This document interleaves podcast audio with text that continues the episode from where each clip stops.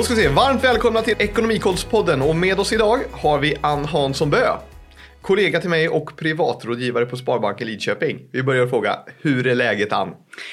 Jo, men det är väl jätteskönt. Alltså nu har vi ljusare tider framöver att se fram emot, så det är helt okej. Okay. Och så är det fredag också. Precis, två bra saker, ljuset och fredag. Mm. Idag Ann, då ska vi prata om något som eh, många av oss har men som man kanske helst inte önskar använda. Och då tänker jag inte på eh, den stickade tröjan från svärmor utan jag pratar ju om försäkringar såklart. Om vi kort bara börjar Ann, vad är en försäkring för någonting?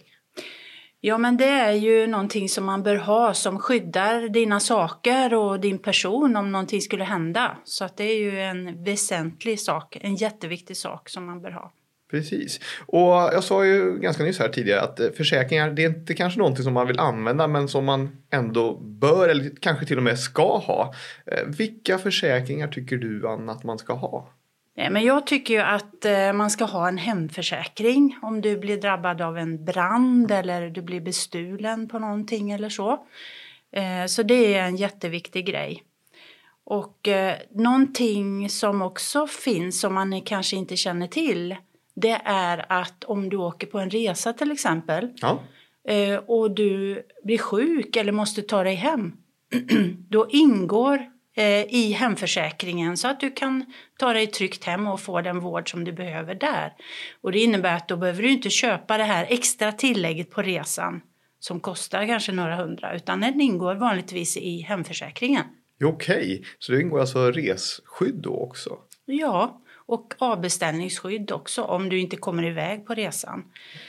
Men eh, det som också ingår det är ju att eh, det ingår ansvarsskydd.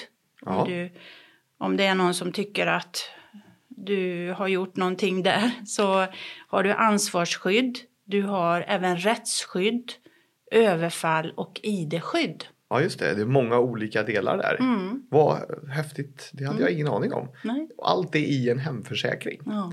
Ja. Vad eh, har vi andra för, finns det några fler försäkringar som tycker man att man bör ha?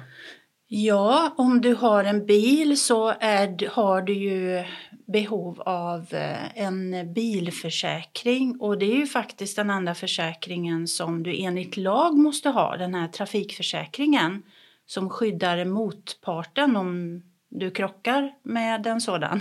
Ja, just det, för det kan ju hända faktiskt. Det kan ju tyvärr hända. Eh, men du behöver ju inte bara skydda motparten utan du kanske vill skydda din lilla pärla om något händer också. Ja visst är det så som sagt. Ja. Den vill man ju inte ska hända någonting med lilla pärlan som sagt. Nej. Det var faktiskt namnet på min bil Jaha. som jag hade. Jag har ingen just nu men, men lilla pärlan var, mm. var fin där. Ja. Och hon var försäkrad. Bra. Och då har du ju två varianter där. Det är ju helförsäkring och halvförsäkring. Jaha. Så det kan man ju titta på beroende på hur gammal bilen är och vad som ingår från början när du skaffar bilen. Och ja, just det. Mm. Ja, vad bra. Hel och halv också. Ja. Alltså. Mm. Någonting annat som man bör ha? Ja, någonting som jag tycker är jätteviktigt det är att du bör ha en försäkring på din person. Alltså om det händer dig någonting, om du blir sjuk och måste vara hemma från jobbet kanske ett kortare eller längre tag. Eh, eller om du blir arbetslös till exempel. Eh, det kan också vara bra att man har en eh, livförsäkring som skyddar familjen då om du skulle dö. Okej, ja personförsäkring alltså. Mm. Oj, det har jag inte alls tänkt på faktiskt. Nej, nej. Eh, men det är en väldigt massa försäkringar som du nu beskriver eh, Ann. Mm. Hur, hur, lyckas man hålla koll på dem? Det är hem, det är bil, du nämner ja, personförsäkringar. Då fanns det massa olika varianter. Mm. Hur kan man hålla koll på alla försäkringar? Ja, det är ju inte så lätt faktiskt. Jag håller med om det. Det är ju många saker man bör ha och det är ju individuellt utifrån vilken familjesituation du har. Mm. Något som jag glömde nämna också, det är ju det här med barnförsäkring. Att ja. Eh, får du barn så måste du ju skaffa en barnförsäkring för barn är oftast ganska dåligt skyddade. Jaha. Så det är en jätteviktig sak. Men jag tycker så här. Eh, det, det, du kan göra det är att du bokar en trygghetskoll hos oss så gör vi en individuell eh, koll på vad du behöver ha i, dina, i ditt försäkringsskydd. Ja, då hjälper ni till på, på Ja. Sparbanken där då. Jajamän. Och ser över och, och kollar på allting. Mm. Det låter ju väldigt tryggt måste jag säga Ann. Ja. Eh, och den som sagt, bokar man via internet eller att man kan ringa till banken? ja, antingen så går du in på internet och bokar en tid. Där finns en rubrik som heter Trygghetskollen. Eh, eller också så ringer du till växeln och ber att få eh, boka en tid hos någon av våra rådgivare där så gör vi en trygghetskoll på dig. Ja, det låter som att man skulle sova mycket tryggare om natten och godare i så fall. Eh, En sak innan vi avslutar här nu Ann, det är någonting mina kompisar, många har pratat om att de har en hemförsäkring via facket. Ja. Behöver man inte ha en hemförsäkring om man har det då eller hur? Det beror lite på. Jag Ja. tycker att man ska se över det för att bor man i en bostadsrätt till exempel Mm. då behöver man ha ett tillägg till hemförsäkringen. Och jag kan ta ett eget, eget exempel för jag bor i en bostadsrätt. Ja, det är ju ja, Mm. spännande. Jag är idel öra. Ja. men det var så att jag upptäckte i mitt vardagsrum att det var en begynnande spricka där på fönstret. Oh, Ja, och det känns ju lite jobbigt och jag kollar med föreningen, är det här någonting som ni står för? Nej, sa de, det står i våra stadgar att vi inte står för den kostnaden. Och då kollade jag upp där med ett bolag som skulle kunna byta min ruta.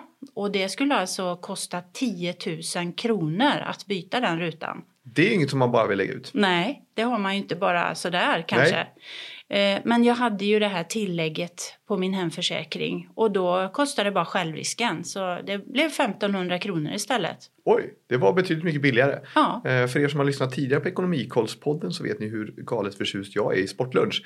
För då, då 8500 får man rätt mycket sportlunch. ja. Ja. då så, eh, om vi ändå ska försöka nu att avsluta eh, Ann, för Mm. det är fredag idag som vi sa. Eh, på, hemma på kontoret som vi säger, där väntar det fredagsfika och ikväll är det ju final i På spåret dessutom när vi spelar in det här.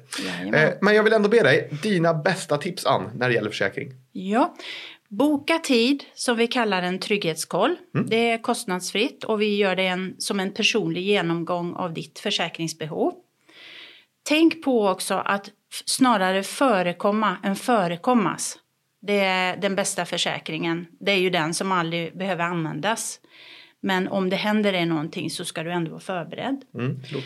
Samla dina försäkringar på ett ställe. Det blir lätt om du behöver utnyttja dem att du direkt ser din försäkring där och vad som ingår. Ja, just det. Det låter ju väldigt bra måste jag säga. Eh, vi, som sagt, Ekonomikollspodden eh, har vi spelat in tidigare. Då pratade vi om spara. Då pratade Gustav om att man inte kanske samlar alla ägg i samma korg. Men när det gäller försäkringar, då är det för, fördelaktigt att samla alla äggen i samma korg. Absolut, för att då kan du få rabatt också, upp till 20 rabatt hos oss. Se där ja! Den här dagen blir ju bara bättre. Jajamän. Du, eh, stort tack för idag Ann. Eh, Tack. jag känner mig både tryggare och säkrare. Och eh, som sagt, vill eh, du som lyssnar på det här eh, också ha en trygghetskoll och eventuellt sova god tryggare om natten. Så hör av dig till eh, någon av Ann eller hennes kollegor och boka en tid för en tryggarkoll.